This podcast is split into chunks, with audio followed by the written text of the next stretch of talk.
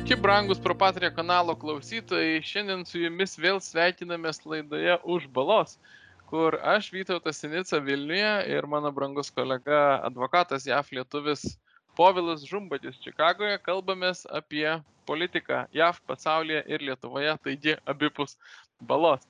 Sveiki, Povilai. Sveiks, Vytautai. Gera ir malonu Jūs girdėti, man ir matyti, klausytojams to neteks šiandien kalbamės, nežinom ar tą, tą pačią dieną turbūt laida neišeis, bet kalbamės rugsėjo 11 ir ne tik JAV, bet ir visam pasauliui tai buvo daug ką pakeitusi diena, iki šiol, manau, minima, atmintina ir, ir priverčianti sustoti ir susimastyti ir prisiminti aukas JAV visuomenę ir ne tik juos. Šiandien turbūt turėtume kalbėti apie šiandienos dalykus, E, kiekvienais metais datų neminėsime kažkokiu atskirų laidų turiniu ir senokai nekalbėjome apie karą Ukrainoje, apie tai, kas ten vyksta. Iš tiesų ilgą laiką buvo tokia tarsi nuotaika, kad puolimas užstrigęs ir tarsi trūksta naujienų, bet yra faktorių, kurie leidžia gal ir kitaip pasižiūrėti į tai, kas vyksta Ukrainoje ir išvelgti tam tikrą pozityvą. Povilai, uh, Ar jūs matot kokio nors pozityvo Ukrainos polime ir į ką jūs norėtumėte atkreipti dėmesį tarp aš, visko, kas ten vyksta?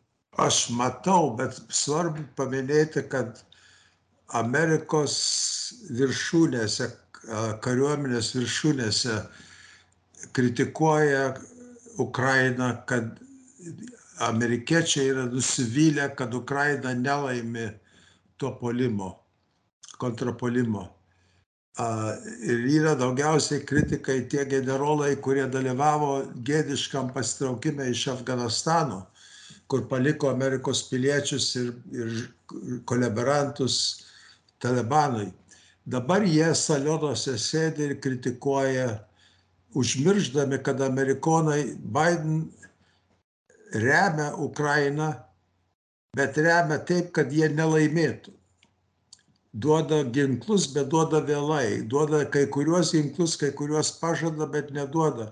Ir net įkalbėjo europiečius, leisim, kad neduotų aviacijos, neduotų patrankų tam tikrų ir panašiai. Bet dabar jie sėdi ir kritikuoja.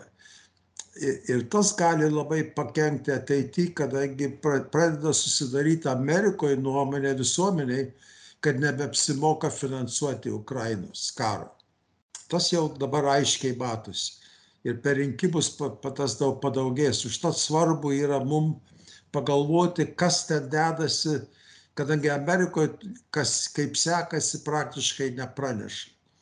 Kas man yra įdomu, tai ukrainiečiai paleido informaciją apie, jie ištipirėjo, kaip rusai susirašinėja kareiviai su savo šeimom ir kaip jie skundžiasi, koks sunkus gyvenimas fronte. Žinoma, kareiviai visada skundžiasi frontuose, bet šie skundimai yra labai charakteringi, rodo, kad vienas dalykas yra žema moralė kareivių, kitas dalykas jie yra apleisti, trūksta maisto, trūksta amunicijos ir panašiai. Ir ateina žiema, jiems bus dar sunkiau tai rodo, koks tikras stovis yra kariuomeniai dalinai. Kiti dalykai, kur labai man įdomus buvo, tai daleiskim Kuboje. Pasirodo, kad rusai samdo kubiečius, kurie gyvena Rusijoje.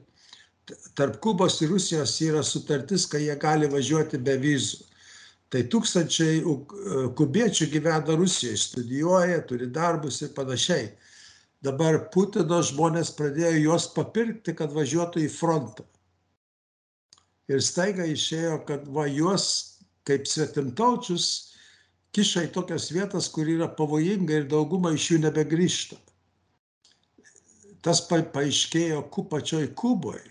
Ir čia yra surprizas, kadangi Kuba yra gera draugė Rusijos, yra nuo sovietų, nuo komunistų laikų, komunistų sala Pietų Amerikoje jie remia Rusiją, jie balsuoja su Rusija jungtinėse tautose ir panašiai, bet staiga jie išėjo ir pradėjo net kriminalinius tyrimus prieš žmonės, kur bando papirkti kubiečius, kad važiuotų į, į, Rusiją kovoti prieš Ukrainą.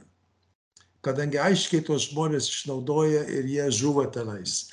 Tai čia toks įdomi detalė tarp dviejų komunistinių diktatūrų vyksta nesusipratimas. Kita įdomi žinia man asmeniškai buvo labai, tai kry, Krymų krašte yra neramumai.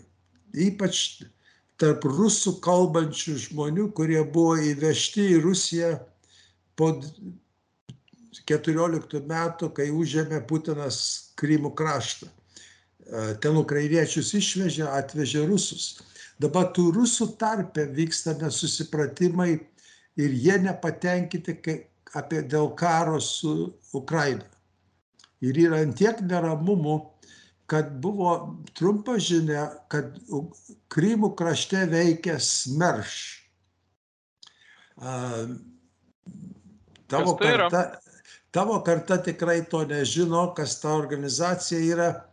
Smerš buvo ypatinga žudikų grupė, suorganizuota Stalino 44-5 metais.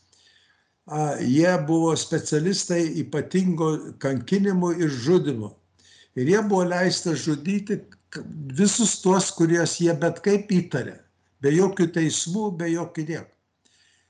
Svarbiausia, jie sekdavo rusų raudonoje armiją, kad raudonoje armijoje nebūtų šnipų arba žmonių, kurie neentuzijastiškai kariautų už Staliną, su Stalinu kadangi atsiminkit antro pasaulinio karo metu milijonai rusų kareivių pabėgo pas vokiečius.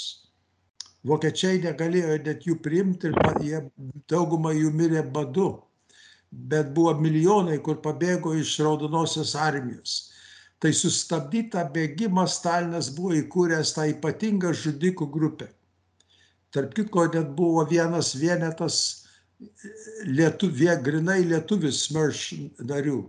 Smerš rusiškai reiškia mirtis šnipam. Ir dabar pasirodo, kad ta grupė, aš kitur nemačiau, aš tik tai vienoje vietoje mačiau, kad smerš dalyvauja Krymų krašte, kas rodo, kad yra rimta problema jiem su pačiais rusais, kurie gyvena Krymų krašte.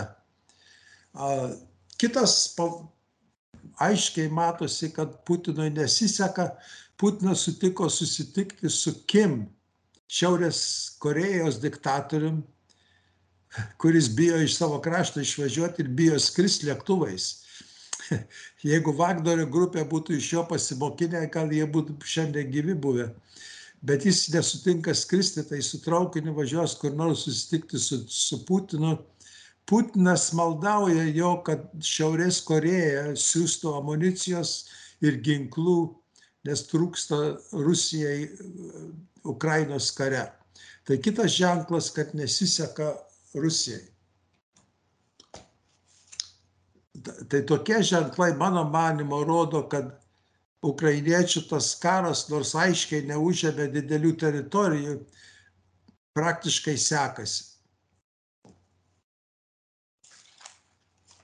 yra lenktynės su laiku, ko gero, ar ne? Kiek gamtinės sąlygos ilgai leidžia dar vykdyti tą polimą ir kiek spės per tą laiką pasiekti. Atrodo, yra veiksnių ir jūs tai, prašau, reaguoti. Atsiprašau, norėjau dar tavęs paklausyti, tai kaip Lietuvoje reaguoja tos kaltimus, kad Lietuva siuntė drones prieš Maskvą? tai kad didžiuojasi aišku aš negaliu kalbėt už visas visuomenės grupes yra ir tų kurie kažkiek yra tų kurie palaiko rusiją mažai tikrai kažkiek yra tų kurie už taiką žinot panašiai kaip popiežius bet absoliuti dauguma visuomenės tai yra žmonės kurie visiškai palaiko ukrainą ir visais prisidėjimo būdais didžiuojasi ir aš manau kad taip pat ir tais dronų siuntimais ar ten asmeniškai prisidėję ar ne ne prisidėjo irgi labai nemaža dalis bet apskritai kaip tokį telkiantį teigiamą veiksmą keliantį dvasią ir stiprinantį bendrystę su Ukraina šiuo metu. Ne, ne tie gal svarbu, kokios ten to praktinės pasiekmes, ką tuo pavyko laimėti, bet kaip simbolinis gestas, aš manau, kad visuomenė jis yra šviesiai prisimenamas. Aš labiau Ar, per... ar, yra, ar yra įmanoma, kai iš Lietuvos buvo šaudyti drones į Rusiją? Ne, ne, ne, aš bent jau kalbu apie tai, kad mes siunčiam dovanų pačiai. Ukrainai. Ukrainai. Apie tai, ar iš Lietuvos šaudyta, tai aš, nu, jokiam padariam šaltinį negirdėjau šitokio varianto ir pats juo netikėčiau. Tikrai, tikrai Lietuva, nors išsišoka įvairiausiais klausimais užsienio politikoje, bet e, kokius nors karo veiksmus pradėti, tai, tai tikrai nedrįstų išsišokti ir, ir laikytųsi subordinacijos. Pas mus buvo gandų, kad, liet, kad, kad Rusija kaltina, Rusijos propaganda kaltina, kad lietuviai iš Lietuvos šaudė drones į Maskvą. Mhm. Bet čia aiškiai buvo rusų propaganda, tai užtat man buvo įdomu, kaip Lietuvoje reaguoja. Aš manau, jeigu, galbūt aš praleidau kažkokį tai pašiepimą, bet tiek, tiek apskritai karo eigoje buvo, buvo tokių naujienų apie tai, ką Rusija, kai nu, Kremlius oficialiai skelbia apie Lietuvos ar kitų šalių NATO narių veiksmus. Tai dažniausiai, nu, kaip, net nepavadinsiu tų publikacijų paneigimais, tiesiog yra taip šiek tiek pasijuokiama iš to, na, kad Lietuva žiniasklaida pateikiama, kad e, Kremliaus e, retorika yra desperatiška. Kad e, ir tame yra racijos, kad itin netikroviški kaltinimai rodo tam tikrą, na, tokį grėbimas iš jaudo, ką čia dar kuo apkaltinus ir kaip čia dar iš sujaukus vandenį bendroji visoje situacijoje. Jeigu galiu šiek tiek pakreipti kampą, man atrodo daug neramiau tai, ne ką Kremlius kalba ir kaip mes į tai reaguojam, bet tai, kad bent Lietuvoje, aš sakyčiau, yra mažai to akcento, nuo ko jūs pradėjote, kad e, JAV e, pagalba yra pavėluota ir per maža. E, ir tai yra toks savotiškas, kaip ekonomikoje yra save pildantis lūkesčiai. Kai tu, pavyzdžiui, tikiesi recesijos ir tada mažini vartojimą, recesija prasideda. Čia panašiai. JAV nesiunčia to, ko reikia laiku tiek, kiek reikia, tada be abejo, kad neužtenka ir rezultatai Ukrainos, kuri negali pati apsirūpinti, yra e, prastesni negu norėtųsi ir tada konstatuoja, kad rezultatai yra prastesni negu norėtųsi, gal nebeverta iš viso siūsti. Tai yra labai ciniškas žaidimas ir dabartinė administracija jį žaidžia. Ir aš turiu baimę, be abejo nenoriu, kad tai būtų, bet jeigu, jeigu klostysi šitas scenarius e, toks, kad vis dėlto nespėja iki šalčių ir taip toliau, kažko reikšmingai laimėti, kitais metais pasislinks link to, ką dabar kalba respublikonai apie Ukrainą, kai kurie link to pasislinks konsensusas Amerikoje. Nebebus net skirtumo, kuri partija šneka. Ir žinai, kas yra, Vytautai, amerikonai nekreipia užtenkamai dėmesio. Tik tai žino, kad Amerika daug siunčia paramos, skaičiuoja, kad yra virš šimta milijardų nusiųsta, kiek ginklų nusiųsta, nieks nežino, bet kalba apie maždaug 40-50 milijardų ginklų. Ir ko, vieno dalyko nieks nepaminė, kad Bidenas paliko 85 milijardus dolerių vertės ginklus, geriausius Amerikos ginklus paliko Talibanui Afganistane. Net nesu, ne, nebandė sunaikinti, paliko gerus, geram stovi. Tai Talibanas gavo bent dvigubai daugiau ginklų negu Ukraina. Nei sąjungininkais nereikėjo būti. Da. Um, iš tiesų, na kągi, tai turbūt tiek, kiek aptarėm šiandien apie karą, tiek ir te galima kol kas pasakyti, pakankamai dar yra miglota kažkas aiškesnio. Tikiuosi ir tikiu, kad per artimiausią mėnesį to aiškumo bus daugiau nes jeigu tie veiksniai, apie kuriuos kalbėjot, brandina kažkokį tai pokytį ir problemas Rusijoje, tai jos turėtų pasimatyti. Um, norisi dar keletą dalykų paliesti ir jau nebe apie Ukrainą, bet taip pat Europoje. E, žinau, kad ir jūs atkreipė dėmesį ir JAV to pavyzdžių yra gausu, bet Europoje štai vėl kartojasi viena ypač garsi žodžio laisvės varžymo istorija. E, ten buvusi vidaus reikalų ministrė, politikė, nebedinsiu ištarti jos pavardės, teisiama dabar jau aukščiausioje instancijoje. E, dėl Suomi, to, Suomijoje. Suomijos, taip, atsiprašau. Suomijos e, teisiama dabar jau aukščiausioje teismo instancijoje dėl to, kad prieš keletą metų viešai pacitavo, na, itin politiškai nekorektišką Biblijos vietą apie tai, kad e, nuodėmė vis dėlto yra dviejų vyrų santykiavimas. Ir tikslios dabar tos citatos aš nepasakysiu, ne iš korektiškumo ir baimės, tiesiog todėl, kad nemoku ir neturiu paranka, bet ji tą padarė, niekada nuo to neatsitraukė, jinai buvo už tai apskusta, kad skleidžia neapykantą, hate speech. Ir vis apsidina, bet vis vėl iš naujo yra teisiama. Ir štai dabar ta jos byla atsiduria aukščiausioje stadijoje. Ar tai, kaip čia, ar aš galiu drąsiai sakyti, kad tai yra simptomiška, kad jūs matot tą ir Europoje, ir JAV gyvenime kaip jau nuolatinį reiškinį? Ar kažkuo šita jos, jos byla yra ypatinga? A, yra ypatinga iš to, kad hate crime, kaip lietuviškai pasakyti. Neapykantos kalba mes vadinam. Jo, neapykantos, neapykantos kalba. Tie įstatymai yra labai pavojingi žmogaus teisė ypatingai laisvam žodžiui. Ir dabar jie iškreipia tą įstatymą, kadangi būktai yra įžeista mažuma, tai yra hate crime ir ką tas reiškia? Reiškia, kad net cituoti Bibliją negalima, nes Biblija yra hate crime. Čia yra nesąmonė bet panašių nuansų yra įvairiuose bylose Amerikoje. Tik Amerikoje yra dar žodžio laisvė yra garantuota ir tas hate crime įstatymai kertasi su pagrindinė Amerikos teisė į laisvą žodį. Ir aš manau, kad su laiku turės spręsti vyriausias Amerikos teismas, kadangi mano manimu, kaip advokatas, aš matau tą kaip didelį pavojų mūsų konstitucijai ir pirmam priedui dėl laisvo žodžio. Iš tikrųjų, taip, tenka, kadangi šiais metais išvertėm ir išleidom knygą lietuviškai Beno Shapiro, Authoritarian Moment, e, apie žodžio laisvės suvaržymus JAV. Na, ten tikrai gausų pavyzdžių įvairiose srityse, bet kai kalbi tą temą Lietuvoje, čia leisiu savo gal šiek tiek palydint, Didysis lengstis yra apie tai, ar ta vadinamoji cancel culture, kurią aš vis dėlto noriu versti tiesiog kaip ideologinę cenzūrą, mhm. ar ji yra veikianti neformaliai, kaip kad kol kas yra Lietuvoje, ar jau veikianti įstatymais, kada yra baudžiama, kaip kad tą Suomių buvusią ministrę. E, čia didelis skirtumas yra ir aš žinau, kad JAV gyvenime tai jau yra masiškai taikoma neformaliai, kada na, nebesikuklinama pasakyti, kad žmonės atleidžiami iš darbo arba ten aktoriai nebesamdomi arba verslai nebesamdomi e, dėl to, kad pasisakė vienai par kitaip. Lietuvoje dar yra ta stadija, kai dažniausiai yra vengiama pasakyti, kad kažkas yra cancelinamas dėl to, ką pasakė, ieškoma pretekstų, vengiama pripažinti politinę priežastį. Ir, ir faktiškai labai sunku rasti pavyzdį, kad būtų aiškiai pasakyta, kad žmogų atleido arba žmogaus neleidžia į eterį dėl jo kažkokių politiškai nekorektiškų pasisakymų, kurie žaidė mažumas.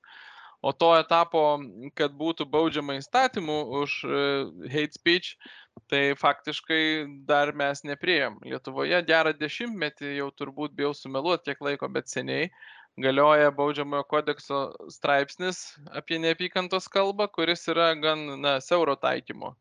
E, turi būti gan tiesioginis raginimas susidorojimų, ten deginti, mušti ar dar kažką daryti kokią nors visuomenės grupę, kad žmogus dėl to būtų nubaustas. Tokių atvejų yra ir labai stengiasi mūsų e, seksualinių mažumų, ypač nevyriausybinės organizacijos, e, na, vystyti tokią teismų praktiką, kad tų baudų būtų kuo daugiau ir jų iš tikrųjų daugėja, bet tai yra, na, kaip gan sunku tam iš to sukurti kažkokią masinę savicenzūrą visuomenėje. E, Lietuvoje veikianti koalicijoje Laisvės partija, kiek ironiška čia su pavadinimu, stengiasi, bet kol kas nesugebėjo prastumti pataisų, kad tie straipsniai atsidurtų ne baudžiamajame, o administraciniam kodekse ir tada būtų nebetaikoma nekaltumo prezumcija. Įrodinėjimo našta jau tektų pačiam kaltinamajam, kad jis nekaltas ir taikymas būtų daug platesnis. Aš vėlgi dabar neprisiminsiu formuluotės, bet garsus parlamentaras iš tos partijos Raskevičius sakė, kad na, negalima žaisti e, jautrių visuomenės grupių jausmų.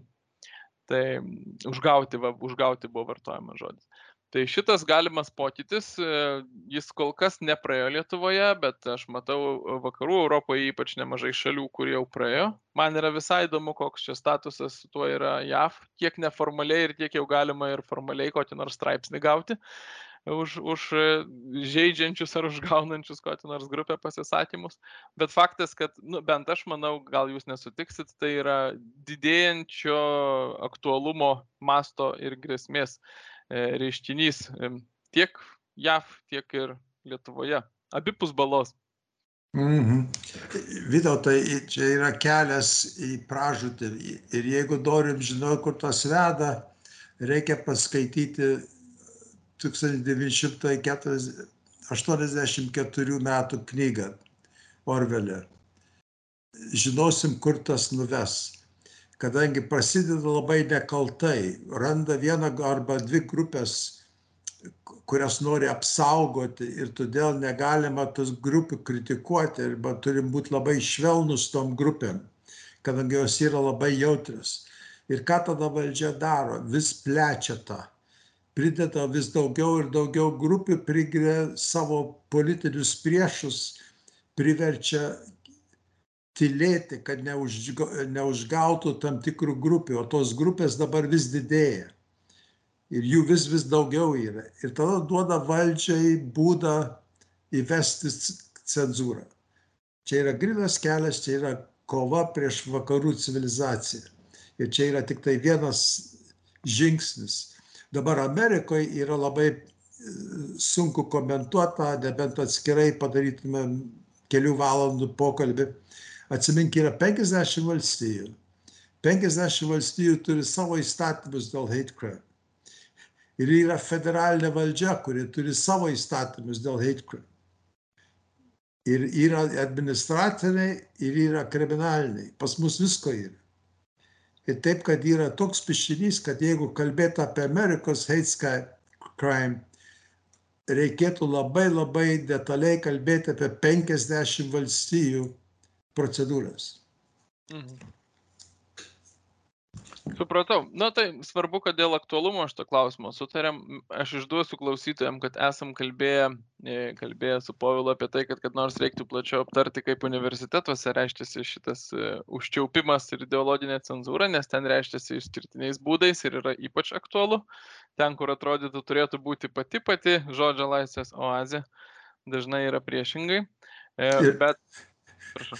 Atsiprašau, tu paminėjai universitetus ir buvo dabar padaryta studija ir labai įdomu, kad garsiausias Amerikos universitetas Harvardas buvo, yra skaitomas pats nelaisviausias, kas liečia žodžio laisvę. Pakankamai šokiruojantis, taip, aš mačiau, mačiau tą publikaciją.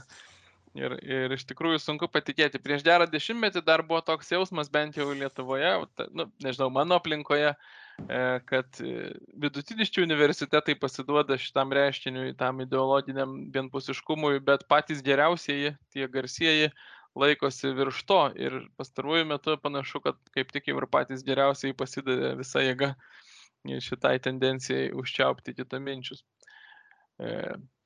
E, kažkaip turės tai baigtis ir labai įdomu bus, kaip vystysi šitie procesai. O man tuo tarpu norisi sujungti Europą su JAV, paskui trečiaja mūsų laidos tema. Jūs minėjot, kad vyksta JAV lietuviai lankyti Lietuvos vasarą. Ir kažko turbūt įdomesnio nei tik lauktuvių parsiveža, parsiveža įspūdžių, kuriais jūs matot prasme pasidalinti. Jo, Vytautai, pirmiausiai atsiminkit, kad yra dvi kartos, pagrindinės kartos, kurių žmonės važiuoja į Lietuvą šimtais, gal tūkstančiais, aš tikrai nežinau, kiek važiuoja.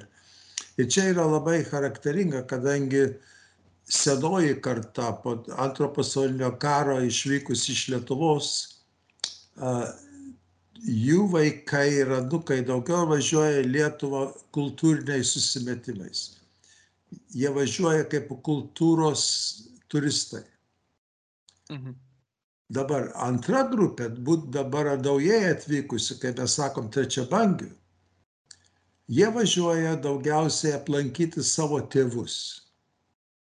Kadangi daugiausiai yra jaunimas išvažiavęs, čia įsikūrė, dabar turi savo vaikus, o tėvai liko Lietuvoje. Ir tėvai sensta. Ir tėvai, jie važiuoja lankyti savo tėvus vasarą, daug iš jų nusiveža savo vaikus, senelių anukus, kad pabūtų Lietuvoje su seneliai, susipažintų su Lietuva. Yra visai kitoks turizmas, negu būtų tos kitos kartos, senos kartos. Dabar įspūdis iš tų trečiabagių, kur grįžta, yra šį, šiemet grįžo gana pikti. Būtent dėl to, kad daugumai iš jų buvo atimta piliet, Lietuvos pilietybė. Staiga jiem buvo pranešta be jokio paaiškinimo, kad jeigu jie priėmė Amerikos pilietybę, jie praranda Lietuvos pilietybę nors visi supratom, kad buvo Lietuva pripažino dvigubą pilietybę. Jie bandė gauti paaiškinimus, paaiškinimų nėra, tik tai gavo laiškus, kad va, gražinkit savo pasus, jūs nesat Lietuvos piliečiai. Ir tas sukėlė didelį kartumą jų tarpę. Dabar kai kurie iš jų važiuoja į Lietuvą vienai par kitaip gydytis. Čia yra trečios bangos žmonės ar jie prieina prie sodros, ar jie prieina kitų sąlygų, jiem yra pigiau Lietuvoje gydytis. Dabar tie, kurie važiavo gydytis, grįžta ir skundžiasi, kad Lietuvoje medicinino tvarka yra pakrikus, yra sunku prieiti prie daktarų. Ypatingai jų tėvam, kurie vyresnio amžiaus ir reikia daugiau jiem priežiūros. Ir trūksta žmonių, kurie prižiūrėtų jų tėvelius tai grįžta su, nusivylę Lietuvą dviejais būdais. Dabar iš pozityvios pusės, kalbant apie kultūrinę, važiavo lietuvių lituanistikos tyrimo centro du vadovai, Robertas Vitas ir Kristina Lapenytė, ir jie lankė pagrindinius Lietuvos archyvus. Tris archyvus ir biblioteka Vilniui, Kaune, Šiauliuose, Klaipėdoj. Ir su visais archyvistais dirbo, sutiko dirbti arčiau, nes Lietuvoje, Amerikoje tas tyrimo centras yra Čikagoje ir Lemontai. Lemontas yra priemestis, kur gyveno tūkstančiai lietuvių. Ir jie įkūrė naują centrą tenais Lemonte, kur ateina daug pagelbininkų, labai gražus centras yra ir yra didžiausias archyvas lituanistikos reikalų pasaulyje už Lietuvos ribų. Ir jie grįžo labai pozityviai nusiteikę, kad tie visi archyvai Lietuvoje sutiko kooperuoti, keistis medžiagą mokslininkais ir panašiai. Ir čia yra labai pozityvus dalykas. Dabar iš negatyvaus taško yra gaila, Lietuvos valdžia neranda reikalo paremti tokią instituciją kaip tą tyrimo centrą. Čia yra, aš manau, kad daro Lietuva didelę klaidą. Tikrai taip, kiek aš žinau jo darbus, nors čia dabar gal neišsiplėsim apie tai kalbėti, bet man atrodo, kad aiškus valstybės ir tautos interesas būtų palaikyti gyvybę ir sudaryti sąlygas tam, kad ta veikla būtų tęsiama ir vykdoma. Ir apskritai ryšio turbūt Lietuvai fiziškai šiapus balos esančiai Lietuvai ir lietuviams daugiau pažinti archyvus esančius JAV įvairių žmonių privačius ar institucijose, tyrimų centruose yra labai svarbu reikalinga ir čia dar neišarti dirvonai e, laukia.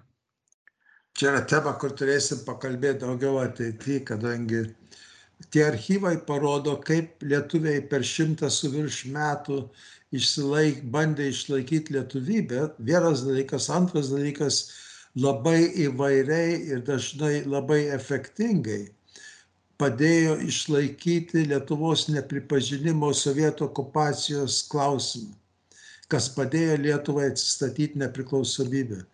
Ir tas dalykas Lietuvoje yra nesuprastas. Aš gal dar tik labai trumpai paminėsiu, bebaigiant, kad tai, ką jūs išgirdot apie tragišką situaciją su sveikatos apsauga Lietuvoje ir kad negalima prieiti prie paslaugų šitam sektoriui, tai yra tiesa. Turbūt kasdien galima atsidarius naujienų portalus rasti naujienų apie tai, kaip masiškai išeina iš įvairių sveikatos gydymo įstaigų gydytojai Tai yra tokia jau ribinė, turbūt sutiksim situacija, kada nepatenkinti reformomis ir sąlygomis, ne tik, kad tos sąlygos negerėja, bet blogėja. Gydytojai tiesiog masiškai pasitraukia iš, iš darbo poliklinikose, kai kartais ligoninėse, tiek Vilniui, tiek provincijoje. Ir tai tampa, na, tokia labai apčiuopiama tiesiogiai kiekvieną žmogų galinčią paliesti problema. Gal kada ir apie ją papasakosiu, nors apie Lietuvos vidaus politiką rečiau kalbamės. Ačiū gal, labai, Povilai. Gal Lietuvos valdžia tikisi, kad atvažiuoja žmonės iš Nigerija ir jiem padės išgydyti lietuvius. Na taip, taip, specialistai, specialistai atvyksta. Beje, beje, esam trumpai kalbėję apie tuos migrantų atvykimus ir neseniai buvo paviešinti skaičiai. Šiais metais Lietuvoje buvo išdalinta 50 tūkstančių leidimų dirbti Lietuvoje. Ir iš tų 50 tūkstančių, pasak migracijos departamento, pusantro tūkstančio buvo žmonės e, kvalifikuoti, inžinieriai, programuotojai ir taip toliau, vadinasi 48,5 tūkstančio ne.